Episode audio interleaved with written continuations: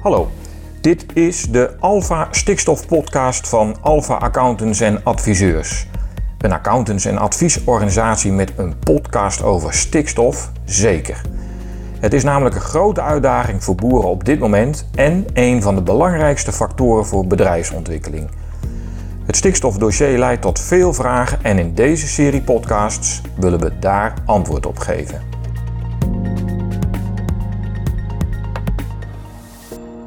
Beste mensen, fijn dat jullie luisteren naar de eerste podcast over stikstof van Alpha Accountants en Adviseurs. Ik ben Roger Skingmans en ik heb een uh, lange ervaring in agrarische journalistiek en communicatie. Nou, in deze eerste podcast praat ik met Harm Rijneveld. Het is niet toevallig, want samen met jou Harm heb ik een reeks van zeven verhalen gemaakt over de verschillende manieren hoe je als melkverhouder via je management de stikstofuitstoot, of beter gezegd de ammoniakuitstoot, want daar richten we ons op, op je bedrijf kunt verlagen. Maar voordat we het daarover gaan hebben, Harm, lijkt het me goed dat je je even voorstelt. Wie is eigenlijk Harm Rijneveld? Doe ik. Dankjewel, Rogers. Harm Rijneveld, 34 jaar. Ik werk voor DMS Advies en voor de Hasse Hogeschool. Ik heb een combibaan onderwijs en advies. En binnen het advies werk ik ook nog voor de Stichting Weidegang, waarin ik uh, boeren begeleid om meer te gaan uh, weiden. Oké, dus je komt veel op boerenerven? Ja, zeker. Dus verschillende studiegroepen, maar ook via het onderwijs, via volwassencursussen of met studenten, zeg maar, bezoeken we ook bedrijven. Oké, super. Nou, mooi. Ik heb je inmiddels leren kennen, Harm, als een super gedreven gast. Dus dat gaat uh, vast een mooi gesprek worden. En we gaan het hebben over stikstof. En ik zei net al, we zoomen in op ammoniak. Maar stikstof, ja, weet je, dat is een hot item. Het lijkt me een, een, een statement. De zogenoemde richtinggevende stikstofreductiekaart van Van der Wal, zoals de ding zo mooi heet. Die heeft voor ontzettend veel commotie en heftige boerenprotesten gezorgd. Maar ja, inmiddels is wel duidelijk dat het, het is een richtinggevend kaartje De doelen blijven overeind staan. De discussie in de Tweede Kamer is geweest en de meerderheid zegt die blijven overeind staan. Maar de manier waarop we die doelen moeten halen, ja, dat is aan de provincies. En daar zijn er echt meer opties dan alleen maar opkoop of stoppen. En nou gaan wij het over de optie management hebben, Harm. Want jij vindt dat melkveehouders vanuit het dagelijks management heel goed een bijdrage kunnen leveren aan het terugbrengen van die ammoniakuitstoot. Zeker. Harm, kun je eerst eens vertellen aan welke managementknoppen ik als boer nou allemaal kan draaien om de ammoniakuitstoot op mijn bedrijf te verlagen? Zeker. De knoppen zitten eigenlijk in een volgorde van groot naar klein. En de grootste knop geeft ook de, de hardste klap eigenlijk. En de kleinere knopjes die uh, gaan over het fine-tunen van je bedrijf. Mhm. De grote knoppen zijn rantsoen. Kijken naar de verhouding tussen de, de eiwitfracties in het rantsoen. Kijken naar de kunstmest die gebruikt wordt. Dus een stukje bemesting om ruwvoer te, te telen, zeg maar. De weidegang op het bedrijf. En kijken naar de bemesting van de percelen. Dus het toevoegen van water bij de mest. En dan de kleinere knoppen, de levensduur van de koeien en het uh, verlagen van de hoeveelheid jongvee op je bedrijf. Oké, dus jij zegt dat het belangrijkste knop is het rantsoen. Zeker. Uh, ja. Wat bedoel je dan? Wat bedoel je dan? Doe je dan op ruw eiwit? Op ruw eiwit totaal inderdaad. Dus dat, daar ligt de focus ook al op de laatste jaren, maar ook zeker op de eiwitkwaliteit. Dus als we dan praten over DV-OEB verhouding Mhm. en daarin ligt uh, de sleutel tot verlaging. Ik denk dat we wel al op de goede weg zijn, maar nog veel scherper kunnen gaan voeren met dat ruw eiwit en uh, het verlagen daarvan. En de ruw eiwit is ook gelinkt aan de hoeveelheid ammoniakale stikstof die je produceert op je bedrijf. Dus heeft eigenlijk een directe link met je ammoniakemissie. Hoe zit dat? Leg dat eens uit. Die link. Dus in de, in de kringloopwijzer is het zo dat de totale hoeveelheid ruw eiwit zeg maar, leidt tot een bepaalde hoeveelheid ammoniakale stikstof die omgezet kan worden in de mestput tot ammoniak. In de koe werkt het zo dat je op, op onbestendig niveau in de pens een bepaalde hoeveelheid eiwit vrij laat komen en op bestendig niveau in de darm. En dat onbestendige eiwit, als dat op voldoende niveau gevoerd wordt zonder dat er een overmaat is, dan kan die koe dat goed benutten. Daar kan die microbieel eiwit van maken. Daar gebruikt hij ook energie voor om dat uh, eiwit goed te kunnen benutten.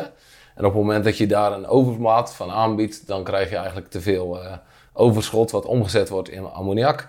En vervolgens tot uh, ureum leidt en uh, okay. ammoniak. Ik zit aan tafel met een expert, ik hoor het al Harm. Mag ik het zo samenvatten dat je eigenlijk zegt van hoe minder eiwit in het voer, in je rantsoen, hoe minder ammoniakuitstoot? Zeker. Zo is het hè? Ja, Dat en daarbij lettende op dat de OEB ook eh, laag is richting de nul in Ja. het rantsoen. Oké. Dat is wel een goede, belangrijke erbij. Oké, oké. Nou weet ik van jou, hè, want ik vertelde aan het begin al, wij hebben samen een, een verhalenreeks gemaakt eh, over al die managementknoppen. Maar dat, ik herinner me nog dat jij toen zei, we moeten die koe weer koe laten zijn. Daar zijn we Klopt. een beetje uit het oog verloren. Eh, wat, wat bedoel je daarmee? De koe is in principe gemaakt om van vers gras melk te maken. En op het moment dat je hem in de winter binnenhoudt, wordt dat ander ruwvoerproduct, graskuil. En aanvullend soms een beetje krachtvoer om de productie wat te stimuleren. En ik denk dat we daarin zijn doorgeslagen in eh, een stukje eh, productieverhoging. En om die laatste liters te creëren zijn er, eh, is er eiwit overvoerd, maar is er ook door de jaren heen veel krachtvoer gevoerd. En daarvan is de vraag van waar ligt nou het optimum? Waarin kunnen we terug? Dat we die koe koe laten zijn, dus laten herkauwen. Weinig eiwit voeren, zodat er zo min mogelijk overmaat aan eiwit ontstaat. En daar hoort dan ook een gemiddelde productie bij. Die lager is dan, eh, dan de productie die we nu vaak zien. Eh, maar wel met een veel lagere uitstoot. Huh? Wacht even. Dus we- jij zegt, we moeten die koe minder eiwit voeren. Want daar is die eigenlijk voor gemaakt. Van laagwaardig eiwit maakt die hoogwaardig eiwit. Daar zijn we een beetje uit het oog verloren. Maar ja, als we dat doen, dan gaat het ten koste van productie. Hoor ik jou dat zeggen? Eh, Dat weet ik toch niet? Wel als je met minder eiwit ook minder energie voert. Op het moment dat je tot een bepaalde grens zeg maar, eiwit voert, je hebt een bepaald minimum nodig. En dan aan de energiekant genoeg energie eh, geeft aan de koe, dan zie je niet dat de productie terugzakt. Dan zie je niet dat de melk-eiwitgehaltes terugzakken. En dat is ook vaak wat, we, wat onze angst is, zeg maar, dat, eh, dat de koe onderuit gaat of dat de liters lager worden. Maar op het moment dat de energiekant goed is, dan heb je genoeg energie op pensniveau voor de pensmicroben. En dan, dan zit dat ruw eiwit aan een ondergrens. En wat die ondergrens is, ja, daar, daar zijn we nog steeds mee eh, aan het eh, onderzoeken. Maar die ligt echt richting die 15% en daaronder, zeg maar. Oké.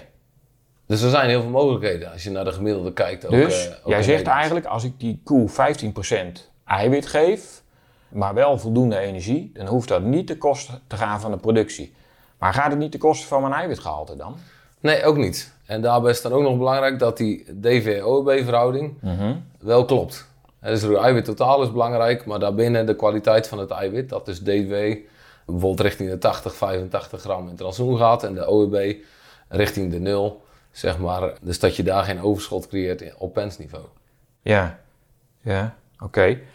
Dit klinkt, dit klinkt voor mij als gangbare melkverhouder misschien een beetje terug naar vroeger. Weet je wel, we moeten weer meer gras, minder eiwit. We hebben natuurlijk allemaal een, een ontwikkeling doorgemaakt de voorbije decennia, waarbij we juist, dat heb jij zelf ook geschetst, meer eiwit zijn gaan voeren om de productie in de gehaltes eh, om, omhoog te krijgen. En dat voelt voor mij een beetje wat jij nu tegen mij zegt, van nou ja, we moeten weer een beetje terug naar vroeger. Is dat wat je wilt? Zeker niet. Nee, nee in, de jaren 90 zag je dat eh en 80 dat de benuttingen heel laag lagen. En dat is een steeds hogere productie. Een, een hoger eiwitgehalte in de melk, maar daarbij met het eiwit wat je de, de koe voerde, zeg maar, toch een lage benutting. En ik denk dat we niet terug naar vroeger hoeven, maar dat we wel moeten kijken naar de benutting van het eiwit wat we aan de koe voeren. Ja. Dat dat zo goed mogelijk omgezet wordt in melk. En daar zijn die rantsoenvoorwaarden voor, van voldoende energie, minder eiwit voeren, zodat we eh, met een voldoende output van melk en, en vlees, als je dat creëert, maar wel met zo min mogelijk input dat kunnen creëren. Ja. Dat is volgens mij de, de nieuwe balans. En daar zijn we al mee begonnen, maar ik denk dat we daar nog veel meer stappen mee kunnen maken.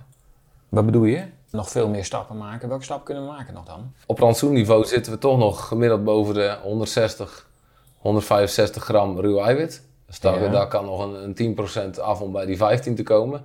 En ik denk dat we daarna, voor de mensen die daar al zitten, dat die nog eens kunnen gaan kijken van waar ligt mijn ondergrens? Dat je als boer zelf gaat onderzoeken van wat is mijn productie? Wat voer ik aan eiwit via het krachtvoer? En kan ik het nog minder doen?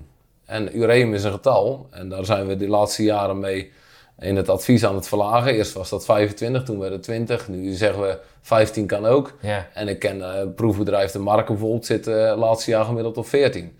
Met een ruw eiwit van eh, tussen de 14 en de 14,5 procent. Dus die zitten daar fors al onder. Dat is ook een onderzoeksbedrijf, dus die, eh, die moeten dat of Zijn willen er- dat zelf ook bekijken. Ja, Ja. zeker. Maar dan lukt het ook om liters en gehaltes eronder te houden.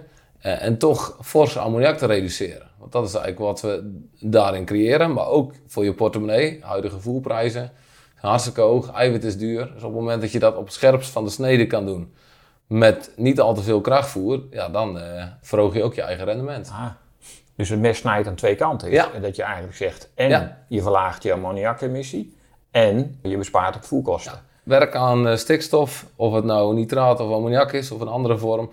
Het levert je ook altijd geld op in de vorm van eh, managementvoordeel via voer of kunstmestkosten of, of andere zaken.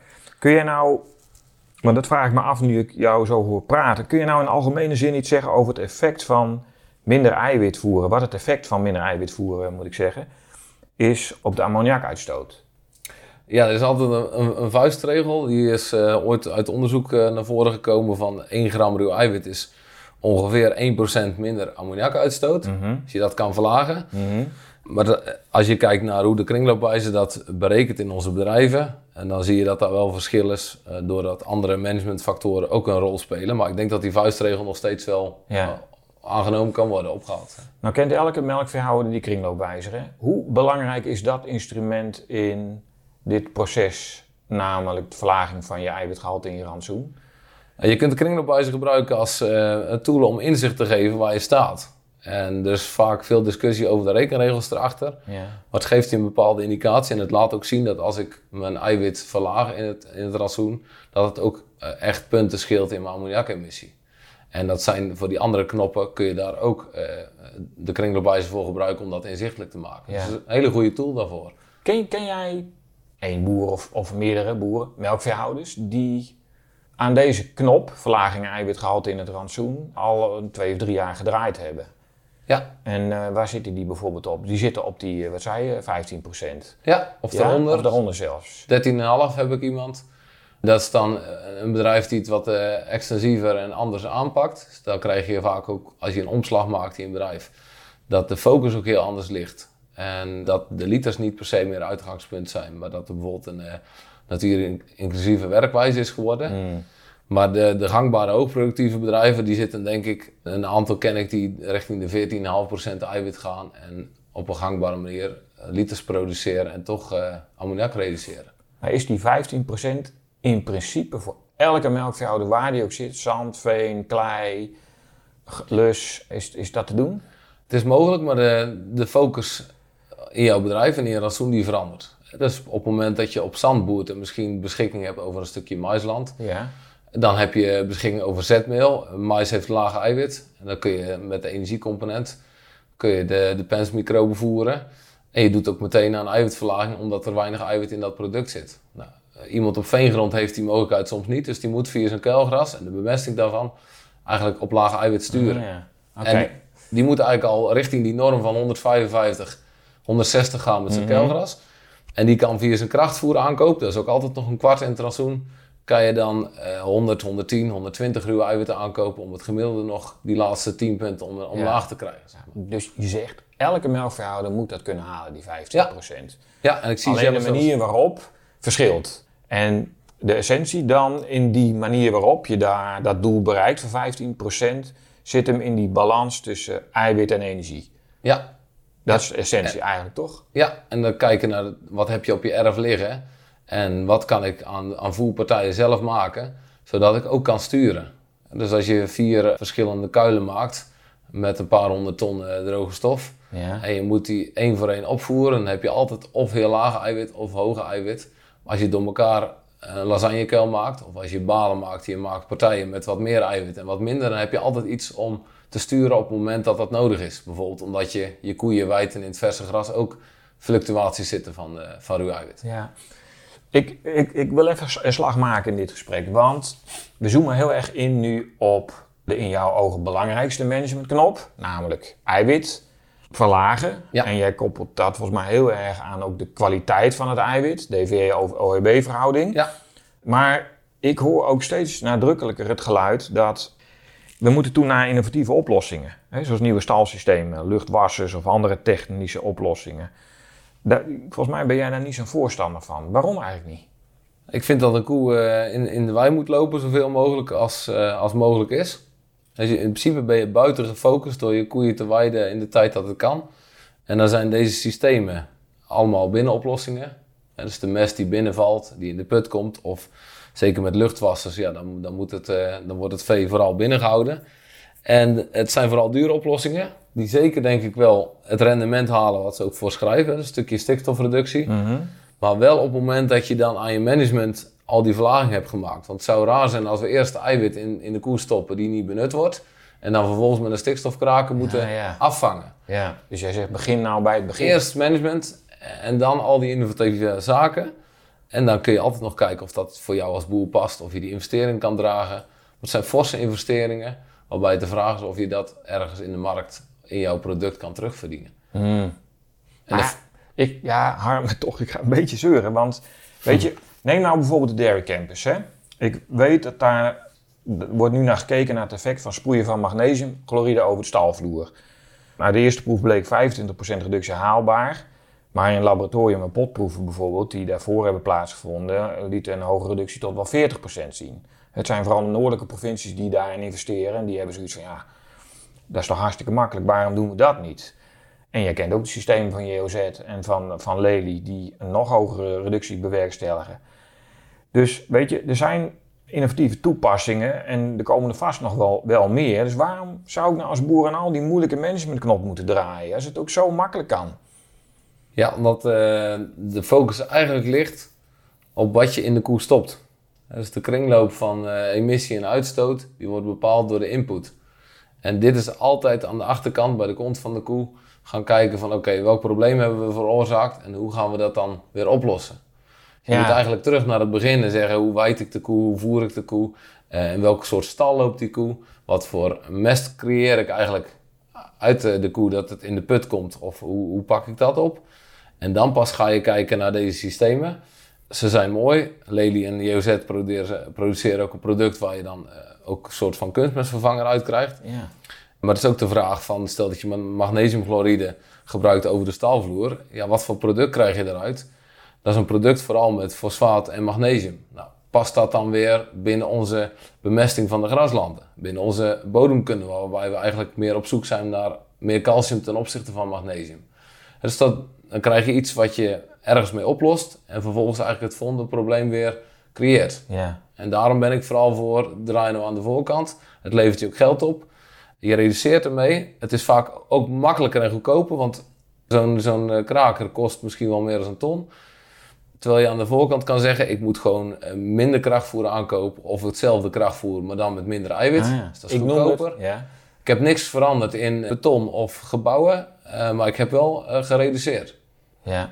Dat is met meer weidegang hetzelfde. Meer weide, ja, dat, dat, dat kost je vakmanschap. De koeien moeten naar buiten, je moet, het kost je wat arbeid. Maar je hoeft er geen investeringen voor in beton te doen. En je reduceert direct eigenlijk morgen al stikstof. Ja, dus je zegt eigenlijk tegen al die melkveehouders, ga nou eerst aan de voorkant dingen doen. Hè? Dus Zeker. de managementknoppen die je in het begin eh, kort even hebt genoemd. En dan kun je, dan kun je al, al aardige slagen maken. Het kost je niks, sterker nog, het verlaagt mijn kostprijs. Ja, Als het over minder eiwit gaat, hè, daar hadden we het net over. Dat is, daar gaat, eh, Nou, weet je, ik zei in het begin al, ik ken jou als een enorm gedreven. Ik, waar komt jouw drive vandaan? Je houdt je enorm mee bezig. Je begeleidt groepen boeren. Je schrijft erover. Je praat er heel veel over. Waar komt die drive vandaan? Waarom wil je boeren dat zo graag meegeven? ik, ik ben zelf nooit, eh, nooit de mogelijkheid gehad om boer te worden. Ik kom wel uit een boerenfamilie en eh, mijn hart ligt echt bij de koeien. Eh, maar wel de koe gezien vanuit een natuurlijke functie. Veel weidegang, dat we daar ons op gaan focussen. Ja, daar probeer ik mijn hart voor te maken. Dat we met elkaar die koeien in Nederland houden. En misschien op een andere manier. Ja, de tijd verandert en dat zal altijd ook zo blijven.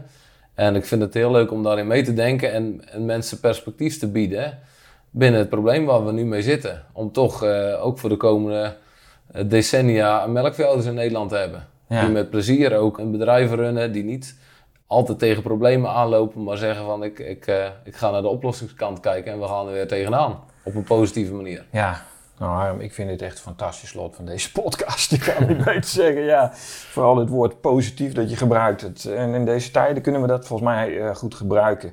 Hey, eh, dankjewel voor dit eh, levendige en inhoudelijk gesprek, zo wil ik het maar betitelen. En dank. Hey, en tot jullie die luisteren zeg ik super fijn dat jullie hiernaar hebben geluisterd. Kijk, er wordt veel gepraat over stikstof, maar ik hoop dat we het in deze podcast terug hebben gebracht naar wat praktisch hanteerbaar is. Nou, zoals gezegd ga ik in een volgende podcast met Arjan de Jong van Alpha Accountants en Adviseurs langs alle managementmaatregelen die Harm heeft benoemd. Want voorlopig zijn we nog niet uitgepraat over stikstof. Dus ik zeg tot de volgende podcast. Tot ziens. Fijn dat je hebt geluisterd naar deze aflevering van de Alpha Stikstof Podcast. Alle afleveringen zijn terug te vinden op www.alpha.nl/stikstof. Heb je nou vragen, opmerkingen of misschien zelfs een suggestie voor deze podcastserie? Mail dan naar communicatie.alpha.nl.